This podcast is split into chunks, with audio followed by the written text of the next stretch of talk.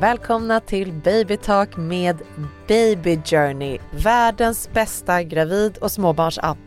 Ja, jag får säga det för att det är min egna bebis och det är jag som har grundat den. Jag som pratar heter Michaela Forni och eh, ni lyssnar på Baby Journeys podcast. Idag är det eh, säsongsavslutning på tredje säsongen och med mig så har jag Irena Posar som är journalist och eh, driver eh, Veckorevyn som jag tror att många av er känner igen. Jag växte i alla fall upp med Veckorevyn och hon driver den under egen regi som chefredaktör. Någonting hon specialiserar sig mycket på är just att driva fram eh, starka kvinnofrågor. Och eh, en granskning hon har gjort senaste åren har handlat om förlossningsvården och det är det vi ska prata lite om idag. Eh, så, så här, varför ser förlossningsvården ut som den gör i Sverige? Vad behövs för att den ska bli bättre? Är det normalt eller okej att vara rädd eh, för att föda barn på grund av det man läser om i media? Ehm, varför dör barn under förlossningar i Sverige år 2022, 2023? Eh, Och ehm, ja, vad kan vi göra åt det? Och sen så pratar vi också lite om hennes egen graviditet då hon alldeles strax ska föda sitt andra barn. Välkomna till Babytalk-podden. Nu kör vi!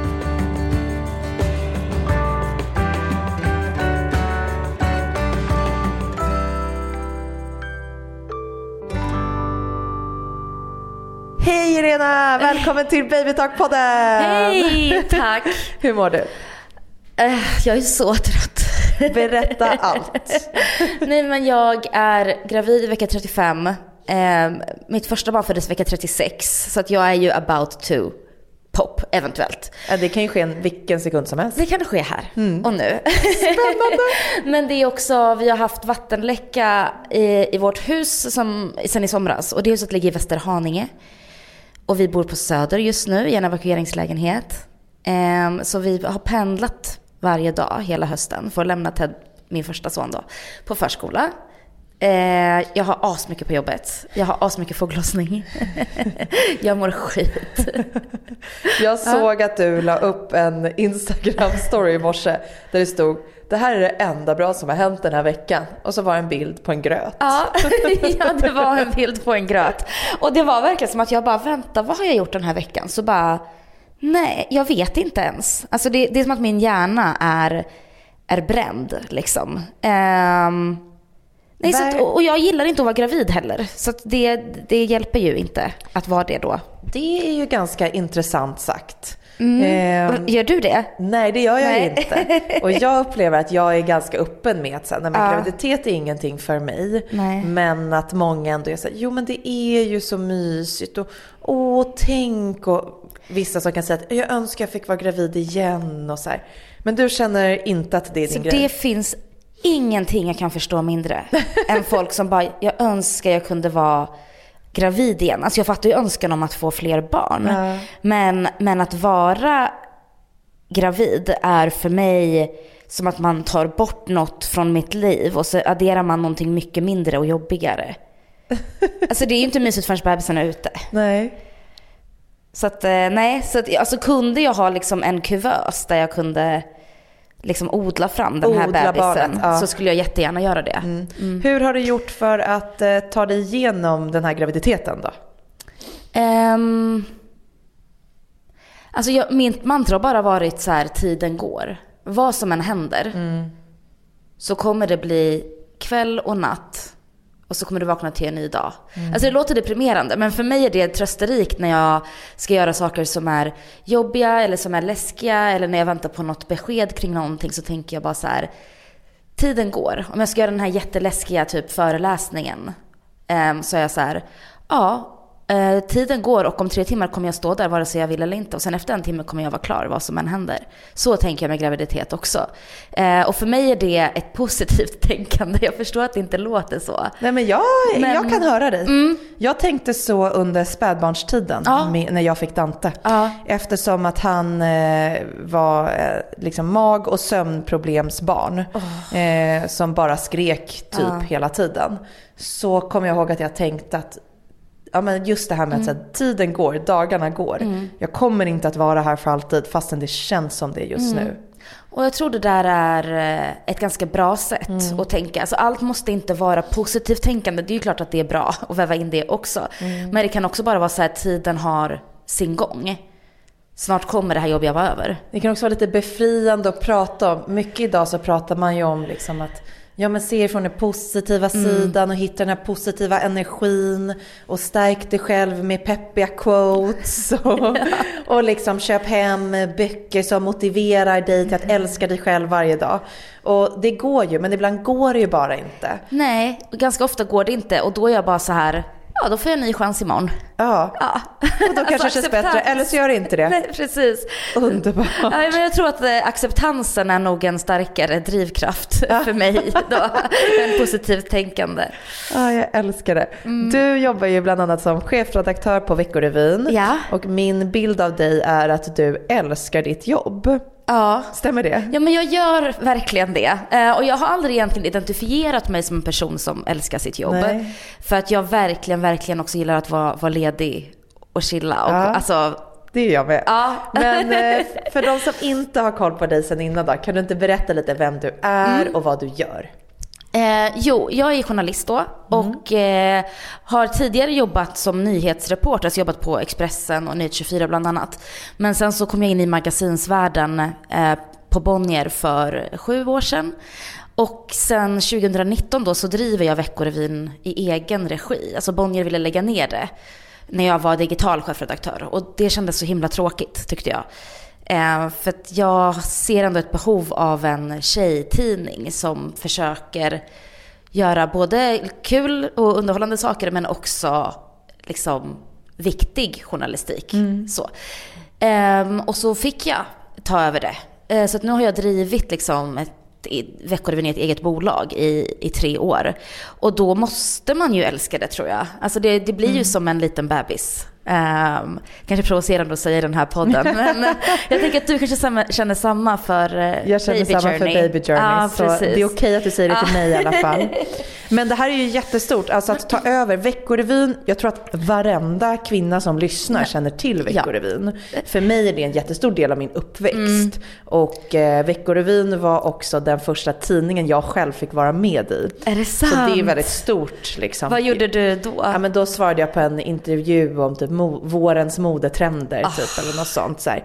Vi har frågat mm. tre eh, bloggare om ah. modetrender. Det här var väl 15 år sedan typ. Ah. Eh, men ja, det har varit en stor del av mm. min, eh, min ungdom, och speciellt tonårstid och ung vuxentid. Mm.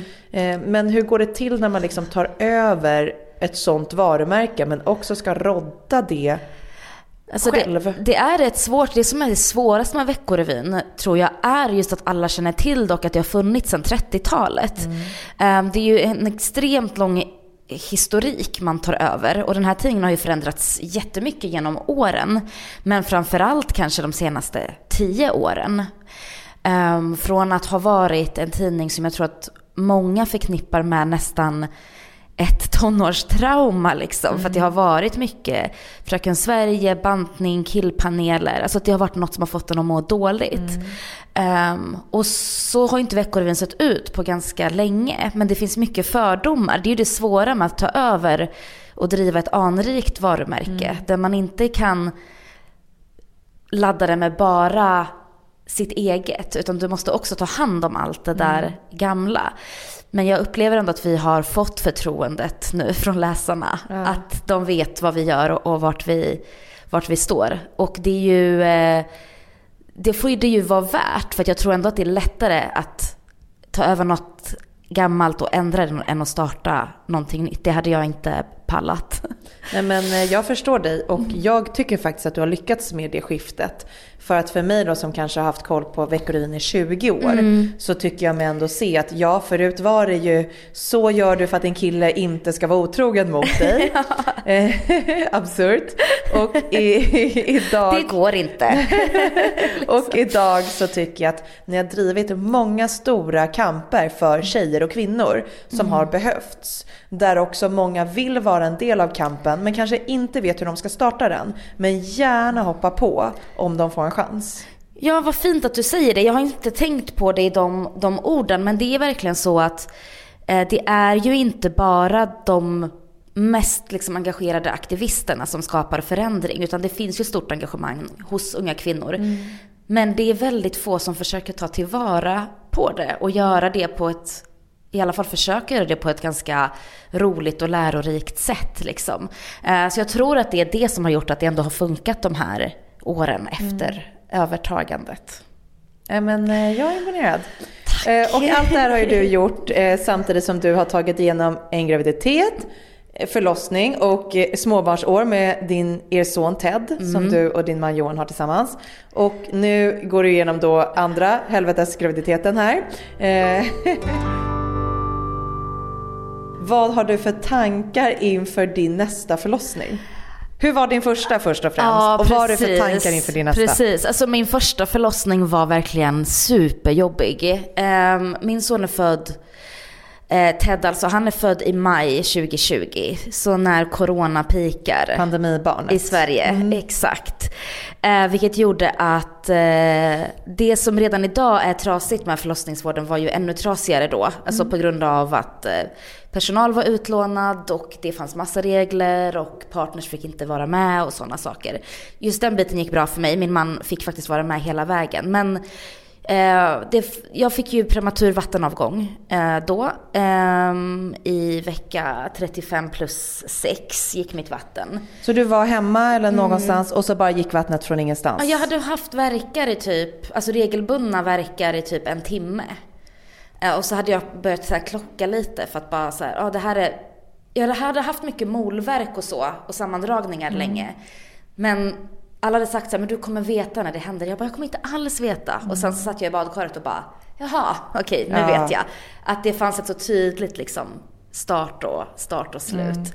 Mm. Um, och sen när jag reste mig ur sängen så bara gick vattnet. Och jag var så här, nej det har inte gått. Så jag försökte fånga det med mina händer. Min man bara, ditt vatten går. Jag bara, nej, nej, nej, det är lugnt. Han bara, jag ringer förlossningen nu. Jag bara, ja, ja, gör det. Det här är jätteintressant hur, vi, hur man kan fungera ibland när det krisar lite. Att du går in i denial. Jag bara, jag tänker inte göra det här. Nej, det är lugnt. Jag bara, vi har en tvätt inne. Va? Ja. Vi kan inte åka till förlossningen nu. Eh, för att vi visste också att kom vi dit skulle vi inte få gå därifrån. Alltså på grund av corona. Man fick liksom inte gå ut och in. Eh, så när vi väl kom dit och de konstaterade att det var vattenavgång. Ehm, då blev vi skickade till en annan avdelning, alltså inte till förlossningen. Mm. För de var så här, du är förstagångsföderska, det här kan ta sju dagar. Eh, ni får vara här i sju dagar. Liksom. Mm. Då hade jag gråtit mig till att min man skulle få stanna för han blev först hemskickad. Mm. Och, jag ba, och jag hade mått väldigt dåligt den här graviditeten, speciellt under coronatiden. Det var ju en väldig oro då. Alltså man visste ju typ inte vad det var för virus, det fanns inget vaccin. Eh, de sa att det var farligt för gravida. Alltså, Nej, jag förstår det mm. helt. Min son fick eh, corona eh, påsken där, mars. Usch. En månad efter att corona hade kommit till Sverige. Och då hade man bara läst de här skräckartiklarna om att barn blev påverkade men man visste inte i vilken liksom grad. Ah. Och jag kommer ihåg att jag tänkte att om barn under ett år blir så påverkade av till exempel RS, ah. vad kommer hända om min son får corona? Ah, och vi stängde in oss, men eh, min kille skulle gå till eh, affären, till posten och hämta, för jag hade beställt hem saker. Men det hade kommit till posten istället för hem till dörren. Och han gick dit och hämtade det och fick corona. Alltså. Och jag kommer ihåg också att jag var så fruktansvärt rädd. Ja. Och det var ju på ett helt annat sätt än när jag misstänkte corona två år senare. Exakt. Det var och man verkligen visste mer. helt, mm. annan, helt annan tid liksom. Eh, och det började ju komma så här, gravida riskgrupp, mm. inga besök på förlossningen, ingen partner på BB. Allt det där samtidigt som jag väntade mitt första barn var ju väldigt oroande. Så jag fick ju panik då när de skulle skicka hem honom. Så vi fick stanna och sen så gick det ju ganska fort. Det tog inte sju dagar bara för att jag var första gångsföderska. Utan jag fortsatte få, eh, få verkar och sen efter två, tre timmar så var jag så här, jaha okej, okay, men nu kan jag inte hantera det här själv. Och då fanns det liksom ingen barnmorska eller något. Vi var ju själva i ett rum. Mm. Um, jag hade liksom inte ens fått sjukhuskläder eller någonting. Hade inte lust, jag fick en Alvedon liksom. Och du kände att nu kommer jag att föda mitt barn? Det börjar ja, närma sig? Jag kände att så här, eh, de, den här smärtan är någonting annat. Och det, det som hör till också är att när man har prematur vattenavgång så vill de helst inte undersöka. För att infektionsrisken eh, är ganska stor om de är liksom där och pillar. Så att man försöker liksom att ja, vara där så lite som möjligt. Men hur ska man då veta om det är dags? Ja, det är först då när man har jätte, jätteont. Men vad, är svår definition? Ja, så första gången då när jag blev undersökt, för då bad jag dem undersöka mig, då var jag fyra centimeter öppen. Mm. Och de var så här, men det finns ingen plats på förlossningen. Och i mitt liksom, förlossningsbrev var det bara så här, smärtlindring. Jag, jag är jätterädd för smärta. Det var mitt viktigaste liksom. Eh, och jag menar, jag låg ju på specialist BB, det, det, är ju inte folk i förlossning som ligger där. Det är ju liksom en eller två barnmorskor som går runt ja. till alla liksom. Eh, så när vi väl fick plats på förlossningen, typ två timmar senare, då var jag nio centimeter öppen. Åh herregud. Och eh, hade ju bara haft panik de här två timmarna. För att jag inte fattade vad som hände och var, jag och min man var helt själva. Vi hade ingen smärtlindring, vi hade liksom vi hade ingenting. Mm. Vi hade inte ens någon som hade liksom ordentligt förklarat för mig vad som skulle hända nu. Liksom. Um, så att jag har väl liksom så här, något typ av övergivenhetstrauma tror jag mm. från min förlossning. För sen gick det bra. Alltså det är klart det var jobbigt och det gjorde ont och så. Men, men sen kände jag mig liksom trygg och omhändertagen och, och allt gick bra. Trots att han så dippade i puls och det var lite liksom läskiga situationer. Men, men det där finns kvar i att man så trycker på den här knappen och ingen kommer. Du är ju eh. inte den enda som beskriver liknande erfarenhet mm. under eh, pandemin. Mm. Och för, man förstår ju också att vården befann sig i en total kris och paniksituation. Mm. Man inte hade hittat en struktur eller ett sätt för hur man ska hantera mm. patienter under pandemin. Nej, men det var, det var ju jättetydligt och som sagt, det finns ju också en, en platsbrist från början. Mm. Och det här var ju det. Eh, vi pratade med min barnmorska nu på MVC och hon sa ju, hade du kommit in i det tillståndet som du var då så hade du förmodligen fått komma in på förlossningen. Men eftersom du redan var på sjukhuset och var placerad någon annanstans, då är det liksom, då tänker de inte lika mycket på att, på att flytta dig liksom, för Nej. du är redan inne. Ehm, så det var mycket liksom otur också. Det var mm. pandemi, det var platsbrist, vi blev lite bortglömda och så. Men att känna sig liksom övergiven i den stunden um, har, har varit liksom jättejobbigt så här i, i efterhand. Um, och jag tror att min tillit till vården blev ganska skadad då. För att jag tänkte, men om jag är på sjukhuset så är det ju lugnt. Mm. Och så var det inte det, för att jag var på fel ställe på sjukhuset. Det här tar ju mig in då på någonting som jag själv tycker är väldigt intressant. På Baby Journey har vi försökt prata om förlossningskrisen, eh, förlossningsvården eh, för att helt enkelt lyfta upp mm. den och göra kvinnor medvetna. Vilket också är svårt för att man vill heller inte skrämma. Eh, men på årets mammagala så vann ju du ett pris här nu i mm. höstas. Mm. Och då gick du upp och så höll du ett tal. Och när jag, jag själv var ju då en gäst på galan och när jag kollade runt omkring mig så satt typ hälften av alla mammor i det där rummet och grät. Jag grät också. ja, det gjorde du. Och eh, jag tänkte att vi ska börja med att spela upp eh, ditt tal så att den som lyssnar får höra det. Och talet är ett par minuter långt så att ni vet, det kommer här. I norra Europa så ligger ett land som är känt för att vara världens mest jämställda land. Här är kvinnor och män lika mycket värda. Kvinnor arbetar, är chefer och politiker. Båda har ansvar för att försörja familjen och kvinnor får klä sig hur de vill. Männen älskar att vara hemma med sina barn och kvinnorna älskar att förverkliga sig själva och sina drömmar. Det är ett fantastiskt land, men det är också en lögn. Bara för att någonting upprepas om och om igen betyder det inte att det är sant. Sverige har stora problem med jämställdheten, men vi blir gaslightade till att tro något annat. Vi är så övertygade om vår jämställda förträfflighet att vi inte ens räknar på det som är viktigt. När jag förra året arbetade med en granskning av just förlossningsvården så fick jag en chock när jag insåg att grundläggande saker som varför bebisar dör i samband med förlossningar inte ens statistikförs. Hur är det möjligt? Och vad säger det om synen på kvinnor och små barn? Det säger så mycket mer än etiketten världens mest jämställda land. Det visade sig i alla fall när vi gick igenom siffrorna att 44 nyfödda bebisar som dött mellan 2018 och 2021 hade kunnat räddas. Och det handlar om fall där IVO eller sjukhusen själva har bekräftat det här. Mörkertalet är förmodligen mycket större. Genomgången visade också att ett stort antal skador på både bebisar och mammor hade kunnat undvikas helt. Det är svart på vitt. Så många små liv har gått förlorade på grund av stress, platsbrist och okunskap. Och så mycket smärta, sorg och ilska har drabbat familjer som istället för att vara i sin babybubbla har behövt bearbeta trauman. Det är inte värdigt något land, men det är framförallt inte värdigt världens mest jämställda land.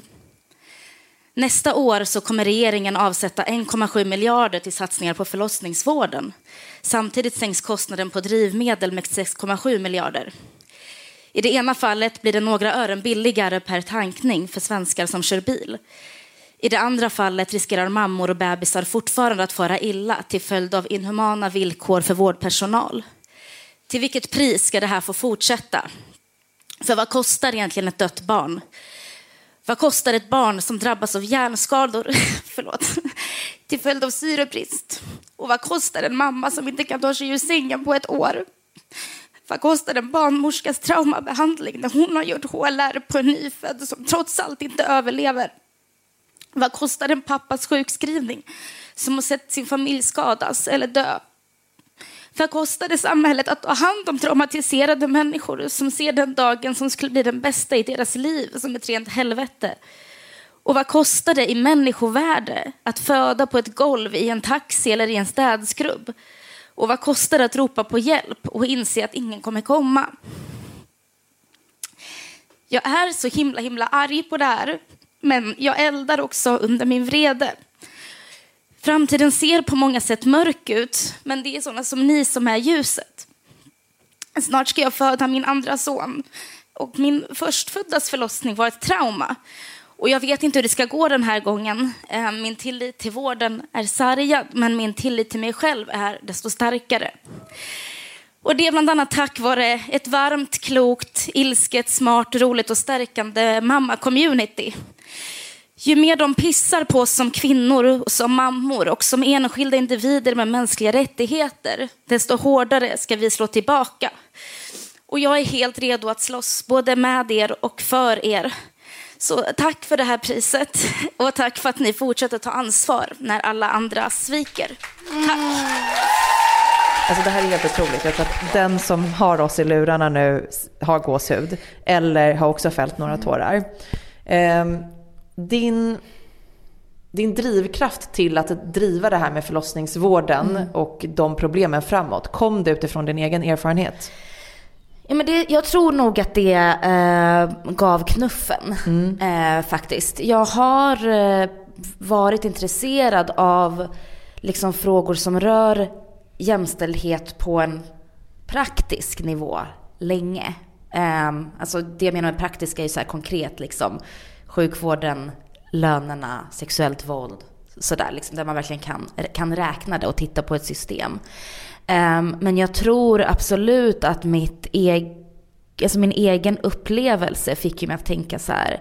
Okej, okay, men om jag mår så här av det här, hur många fler finns det och vilka värre saker har hänt? Och för mig så var det aldrig riktigt ett val att bli engagerad i det här. Jag, alltså, Känns det så? Ja, Alltså det blev för, eh, det blev för påtagligt för mig med den liksom plattformen jag har och med den kunskapen jag har och genom att välja andra jag skulle kunna jobba med. Att så här, men om det är någon som kan göra det här nu så är det vi och då måste vi ju det.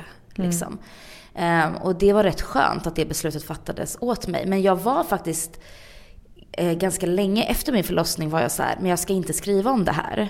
För jag skriver ju krönikor i Expressen varje vecka också. Och krönikor är ju ganska liksom, personliga ofta. Men jag var så här, nej men jag, jag vill att det här ska vara mitt. Liksom. Och sen så kom det ju den här, det här SÖS-larmet där de hade, personalen hade i fikarummet fått brainstorma hur de skulle spara pengar. Och så var det ju så här, ta bort paprikan på mm mackan och ta bort den lilla babyfilten och sådär. Och då var jag så här. Det var väl en del av då förlossningskrisperioden startade. Och exakt. den revolutionen lite kring att...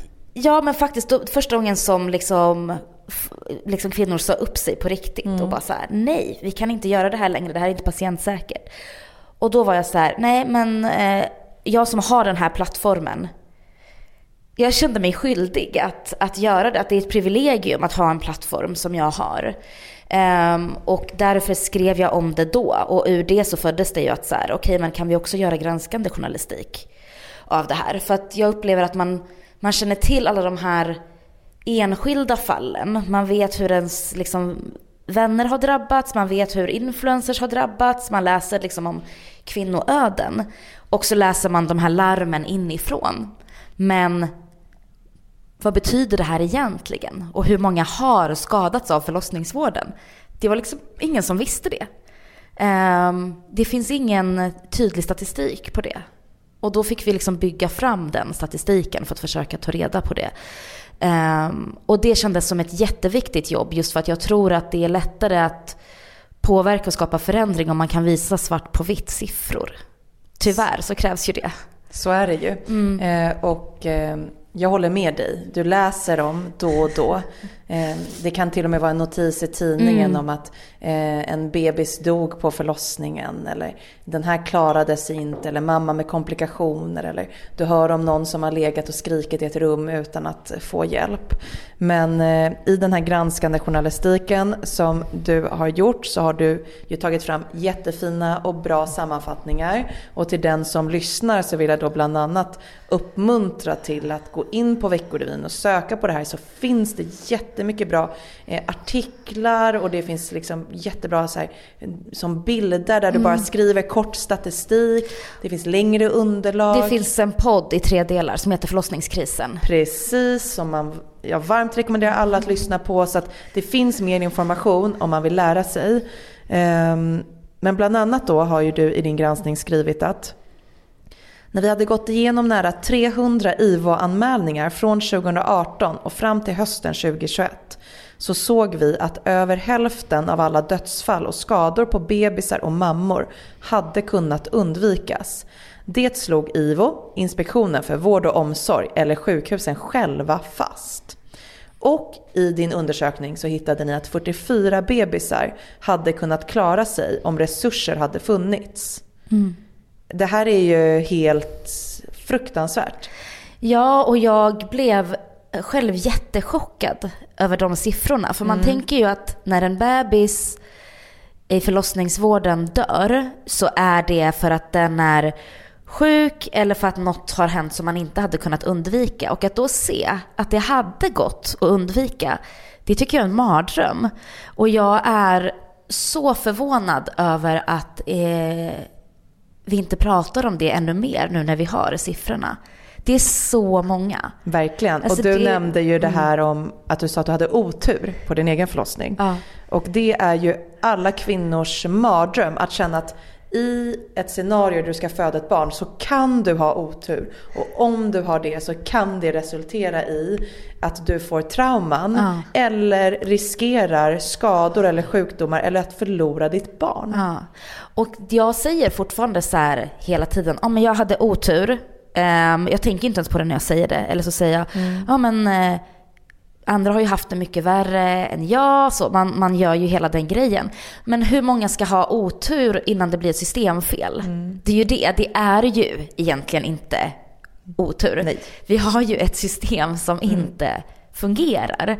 Och det är ju det som, som gör att, eh, att det uppstår skador och dödsfall som hade kunnat undvikas i en av världens bästa länder att leva i, i ett av världens mest jämställda länder.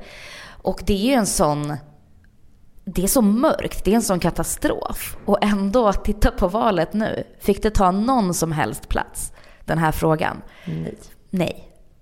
Och jag blir liksom, jag vet inte om jag ska skratta eller gråta. För jag kan inte förstå hur det inte kan angå alla att 44 bebisar har dött i onödan i svensk förlossningsvård. Nej, det är helt fruktansvärt.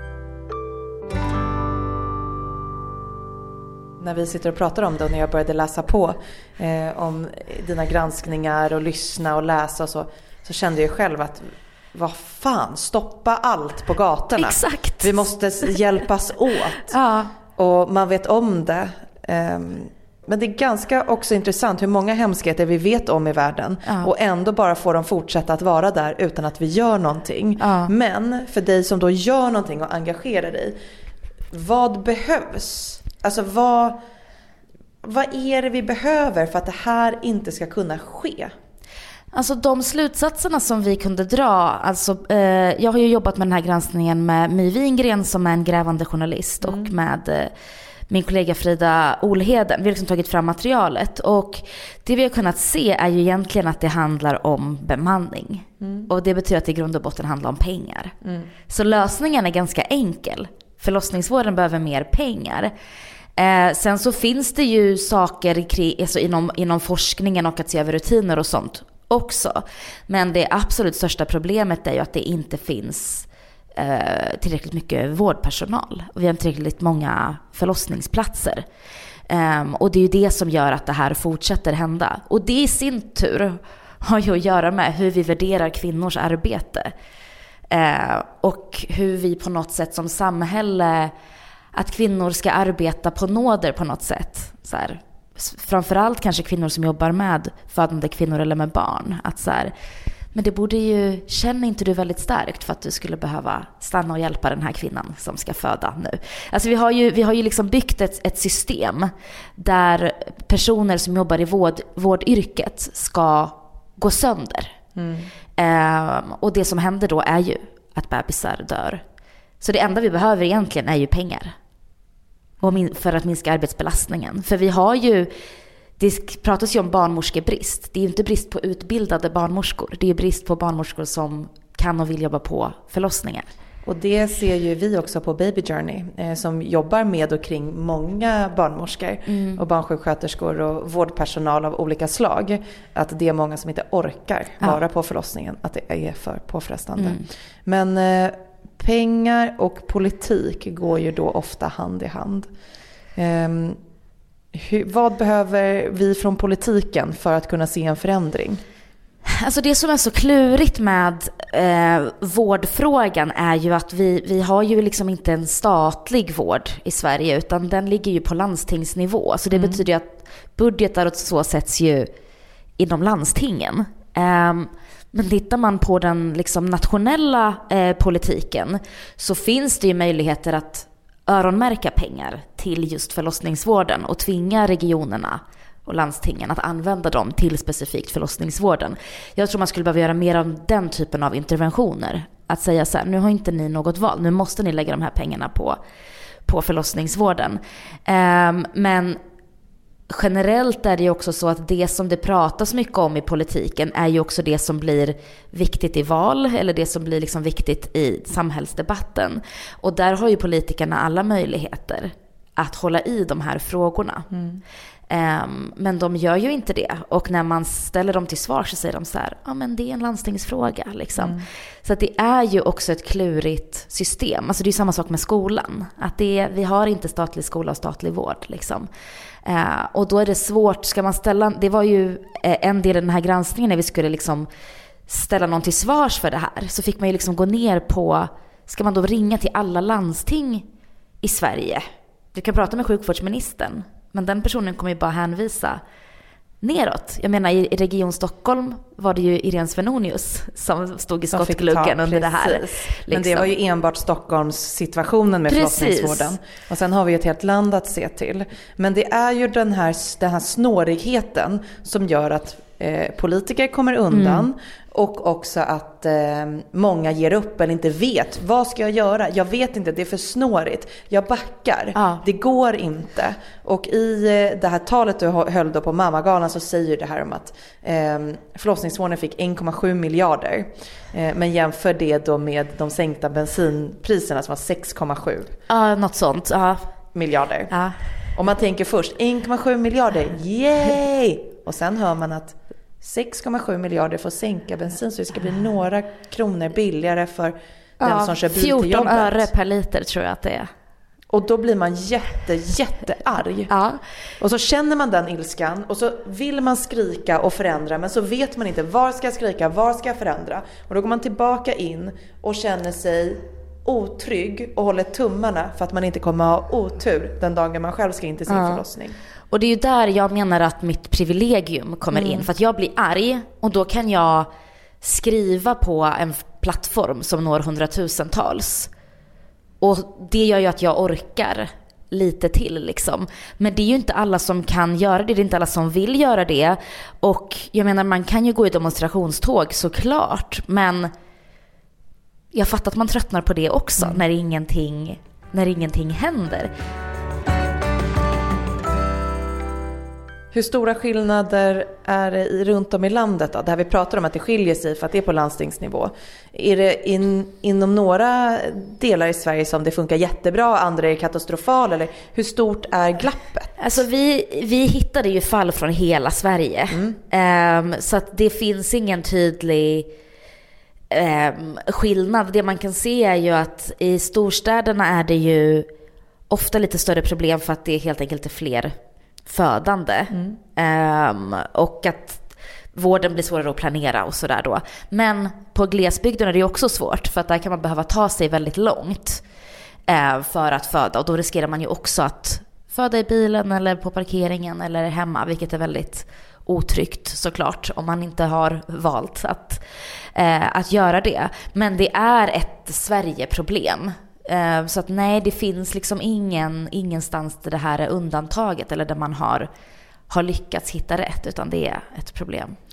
Ja, för att det hade varit intressant om man kunde se att ja, men i det, den här regionen här, då verkar de ha hittat ett sätt som gör att eh, vi ser eh, liksom mindre anmälningar, mindre dödsfall, mindre skador. Okej, kan alla andra titta? Då hade man kanske haft ett förslag på en lösning. Nu känns det som ja, men, att alla om... sitter fast och säger vad är förslaget? Pengar, okej. Men om vi ska vara positiva mm. så finns det ju faktiskt eh, en sån grej i Stockholm som heter Min barnmorska.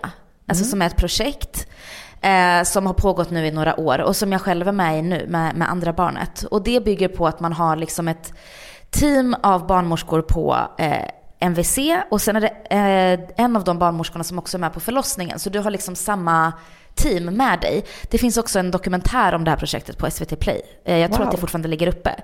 Eh, och det riktar sig främst till eh, förlossningsrädda eller personer som har haft då ett, ett trauma innan. Så jag har då träffat en barnmorska samma varje gång på MVC, vilket inte heller är helt givet att man får göra.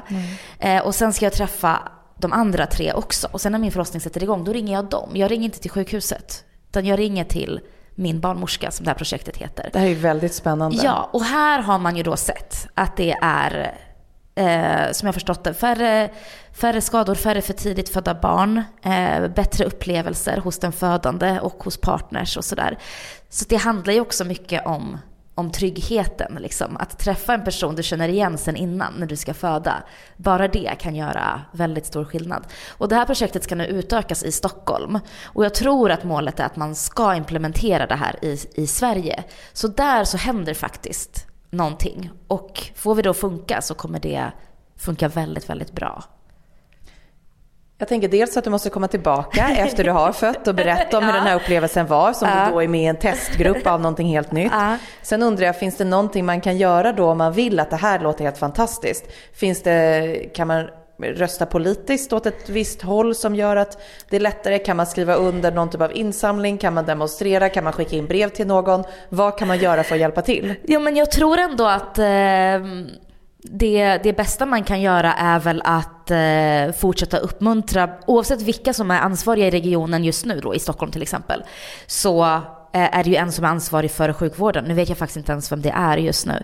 Men eh, de personerna kan man ju kontakta, alltså de jobbar ju för oss. Mm. Politikerna jobbar ju faktiskt för, för väljarna. Mm. Eh, och trycka på det här. Och sen så kan man ju, typ det här projektet, jag tror också att det är, man kan ju följa dem på, på Insta, man kan skicka hejarop, man kan ju liksom försöka bygga en rörelse inifrån mm. också tror jag. För att, eh, för att verkligen få, få genomslag. Eh, och det, det, där är en sån grej som jag tror, nu, är, nu finns det ju ett mål på liksom en barnmorska per födande. Och det kommer ju vara jättebra, men, men det kommer ju inte gå för att barnmorskorna inte kommer vilja jobba på förlossningen riktigt, riktigt än. Men om fler barnmorskor också kan jobba i den här typen av projekt så tror jag att det blir en en win-win. Och det man kan göra om man inte bor i Stockholm tänker jag är att eh, kontakta eh, sin egen region och fråga när kommer det här projektet till oss? Liksom. För att nu finns det ju en färdigt sätt att arbeta. Skitbra. Som skulle kunna implementeras. Så gör det. Ja, gör ja. det är det rimligt att vara rädd inför sin egen förlossning när man hör sånt här? Och hur ska man i sådana fall tänka eller hantera den rädslan? För jag känner att inför min första förlossning var jag väldigt rädd över smärta, hur det skulle kännas eftersom jag inte hade någon Ja. referens. Ja men då hade vi samma, Alltså, samma vad skräck. betyder det Ja. att gå igenom det mest smärtsamma du någonsin kommer gå igenom? Alla säger att det kommer vara det värsta du någonsin har gått igenom. Men vad betyder det? Det är så ogreppbart. Och jag kommer ihåg att jag var så rädd över, kommer jag klara av Ja. det? Och sen klarade jag av det och hade till och med en positiv förlossningsupplevelse. Gud vad underbart. Och jag är jätteglad och tacksam över det. Och jag hade ett fantastiskt team och jag fick fantastisk hjälp. Och just den dagen och den stunden som det var dags för mig så hade väl jag tur liksom. Ja, kanske. Och eh, då, men den här gången så har jag ju då i och med mitt jobb och det jag bevittnar, läser och hör så har jag utvecklat en oro över att någon ska missa mig. Att jag ska hamna någonstans och säga att det känns inte bra och att ingen ska lyssna när jag säger det. Ja. Och det är ingen rolig känsla. Nej. Liksom, är den rimlig och hur hanterar man den? Men jag skulle säga att ja, det är eh, rimligt att, att känna någon typ av av oro, eh, inte bara för hur förlossningsvården ser ut utan också för det här är typ det största du kommer gå, gå igenom och har du inte gjort det innan så har du ju som sagt absolut ingen aning. Men jag tror att mycket, eh, för mig har det blivit jag tror jag sa det i talet också att så här, när jag kanske inte litar på sjukvården men jag litar på mig själv. Det finns väldigt mycket man kan göra själv. Alltså man kan läsa på om sina rättigheter, vad du har rätt att kräva, eh, vad du har rätt att säga nej till, vilket är typ allt. Eh, förutom i urakuta situationer där liksom ditt eller ditt barns liv står på spel. Eh, det finns ändå många saker som är reglerade i liksom patientlagen och i, liksom i andra typer av bestämmelser som säger att du har rätt till den här vården och du har rätt att vara delaktig i din vård. Och jag tror att läser man in sig på det, vilket man då också kan göra genom att sätta sig in i de här frågorna, det har gjort mig tryggare, inte räddare. Jag har blivit mer trygg av att grotta ner mig i, i det här mörkret för att jag vet ehm, vad jag har rätt till. Och att jag är, är värd ett omhändertagande. Istället för att bara känna mig liksom jobbig och i vägen. För att det där ser jag ofta, så här, jag är med i massa så här, mammagrupper på Facebook och så. Att folk säger jag ska inte ringa för jag vill inte vara jobbig och... Och det är ju typiskt kvinnligt. Ja, Att vi verkligen. agerar så. Jag har ju själv en annan podd med min tjejkompis Rebecka. Och eh, i den podden, det är ju mer en tjejsnackspodd liksom. Eh, och så berättade jag att jag hade varit på mitt rutinultraljud och att barnmorskan hade stannat jättelänge över hjärtat och det var någonting hon inte hittade. Och sen till slut sa hon bara att ja men nu har jag sett allt jag vill se och du får gå hem.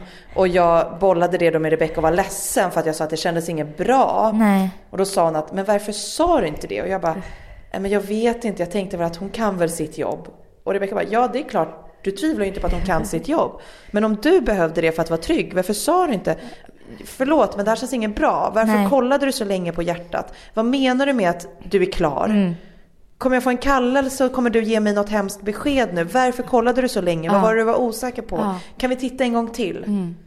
Så liksom våga ta den platsen. Och då sa jag till Rebecka att nej men, nej men inte ska väl jag i onödan Ja, eller något ja, sånt. ja. Och hon som är en väldigt modig person sa att vad fan är det där för skitsnack? Det är klart att du ska. Det är klart att du har rätt. Ja, ja. Och det har vi ju. Alltså vi, vi har, den, den rätten är liksom eh, lagstadgad.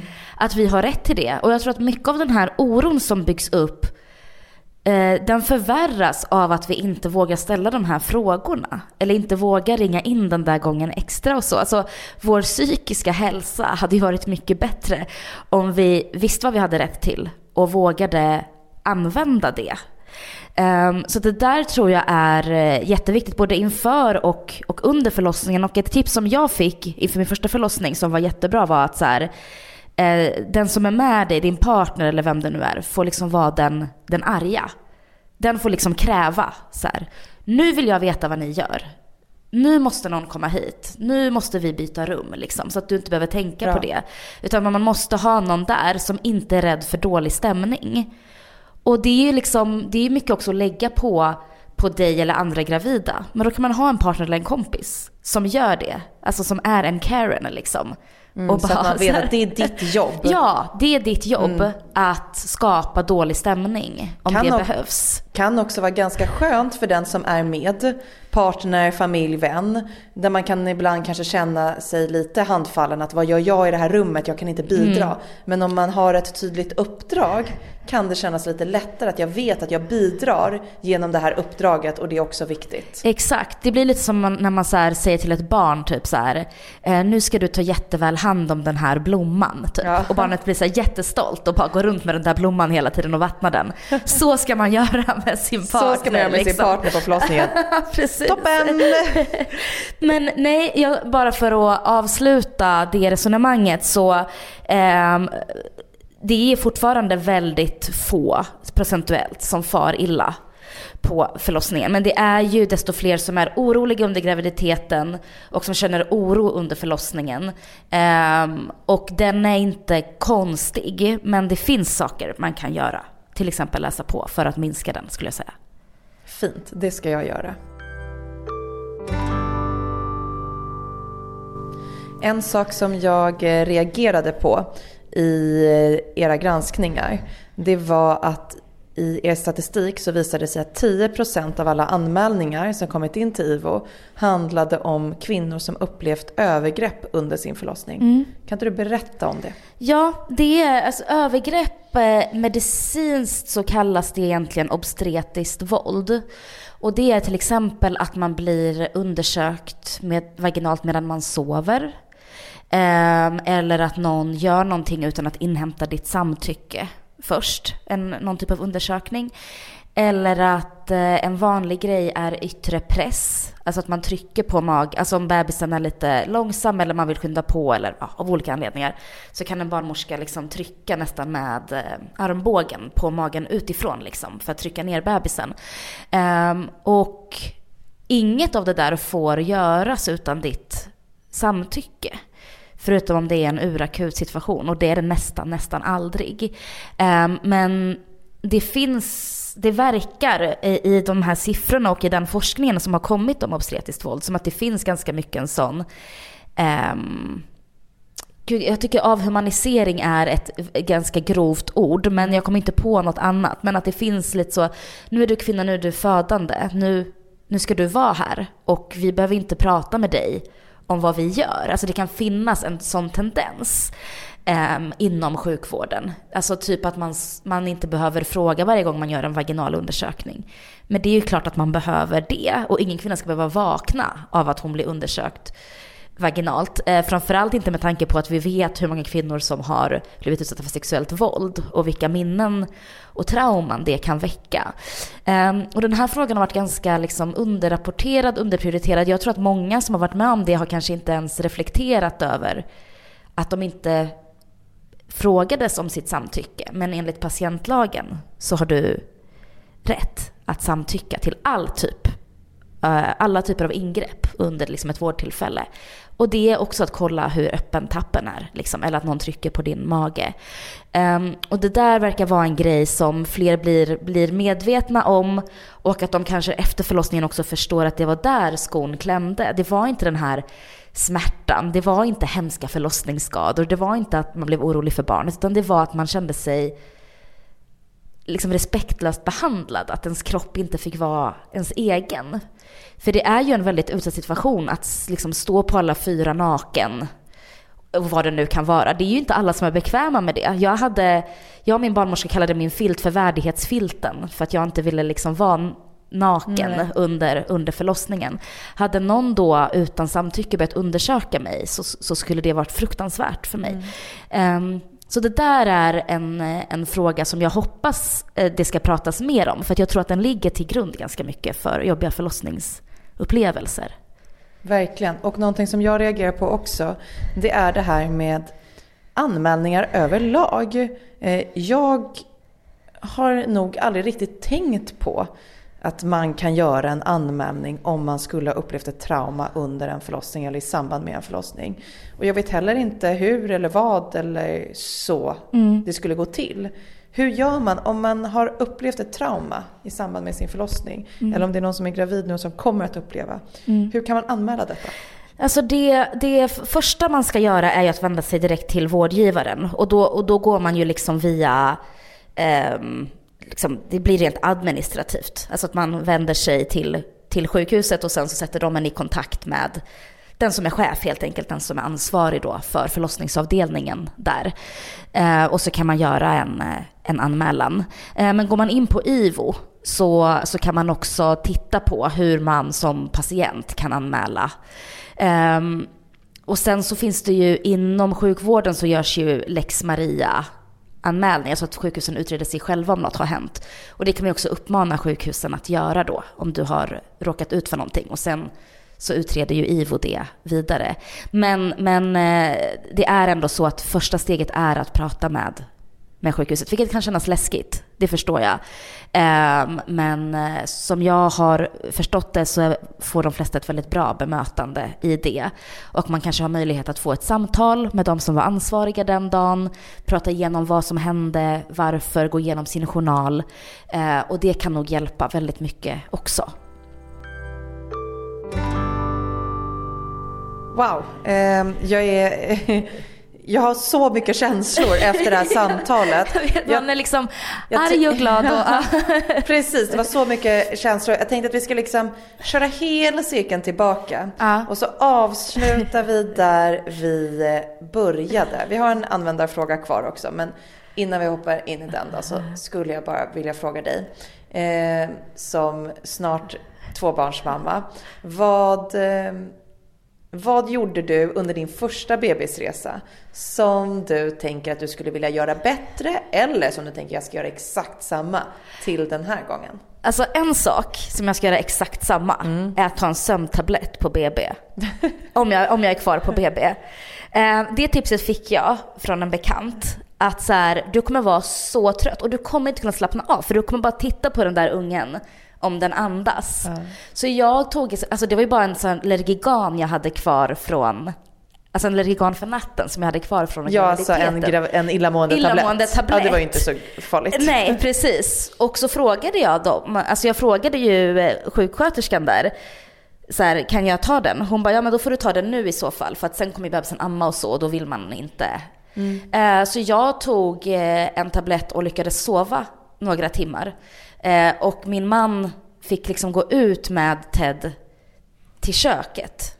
För att jag, jag kunde liksom inte slappna av. Jag var så du får sitta och titta på honom och jag tar en sömntablett nu. Och så sover jag. Och jag tror att det gjorde hela, liksom, resten av vistelsen mycket bättre.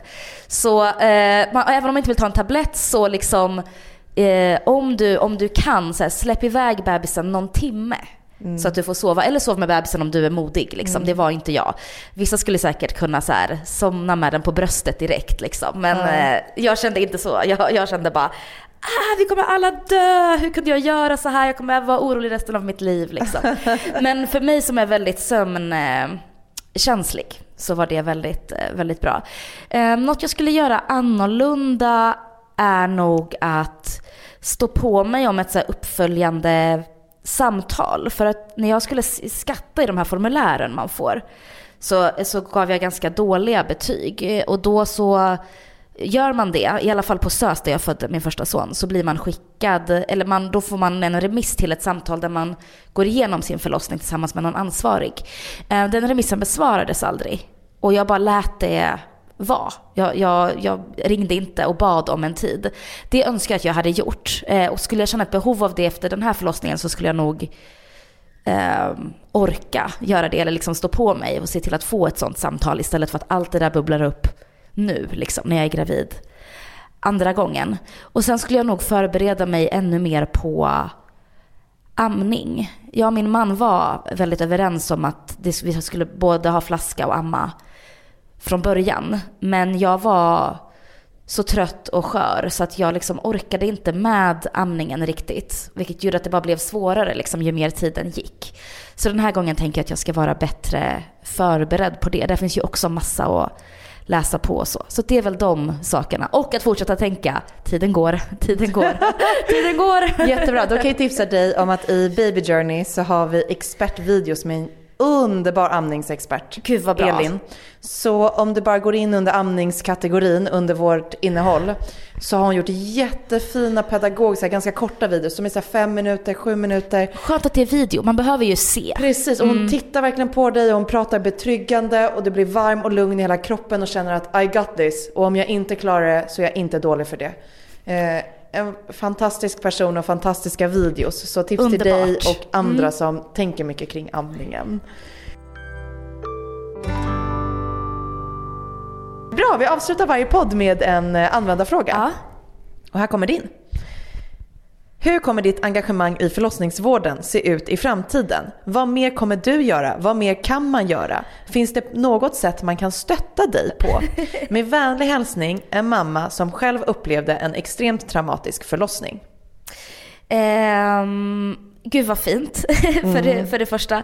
Ehm, men eh, jag skulle säga att man ska sätta sig in i eh, förlossnings, eh, alltså partiernas förlossningspolitik och rösta. Var fjärde år då i alla fall, använda sin röst för att försöka styra det. Ehm, jag kommer fortsätta eh, bevaka frågan och jag kommer fortsätta gnälla på att den inte tas upp mer nationellt och bland politikerna. Och man får jättegärna tipsa mig om man har tips om saker som har hänt eh, och som borde granskas. För då kan jag se till att vi gör det. Och det kan jag göra då, eh, man kan stötta Veckorevyn via Patreon till exempel. Alla våra Patreon-pengar används till granskningar. Ehm, så om man vill stötta så, rent, rent konkret. Ehm, men jag tror att eh, nästa, nästa förlossningsvårdsgranskning kommer nog eh, angränsa till det här. Jag tror att, för vi tittade på siffror fram till 20, hösten 20. Vad har hänt sedan dess? Jag har svårt att tänka mig att bebisar har slutat dö i onödan. Ehm, jag tror väldigt mycket på att bita sig fast i frågan och vägra, vägra släppa. Så att det är väl det jag kommer göra. Du är fantastisk. Tack för att du kom och gästade. Tack så mycket. Baby Talk, säsongsavslutning. Ja, Mysigt. Nu, nu ska jag föda barn eller något. Jag önskar dig stort lycka till och Tack. eh, jag ser fram emot eh, att du kommer tillbaka och gästar oss och berättar om vad du har lärt dig och vad du har för erfarenheter den gången också. Tack för att jag fick komma. Och tack till alla som lyssnar. Puss och kram. Hej då! Hej då!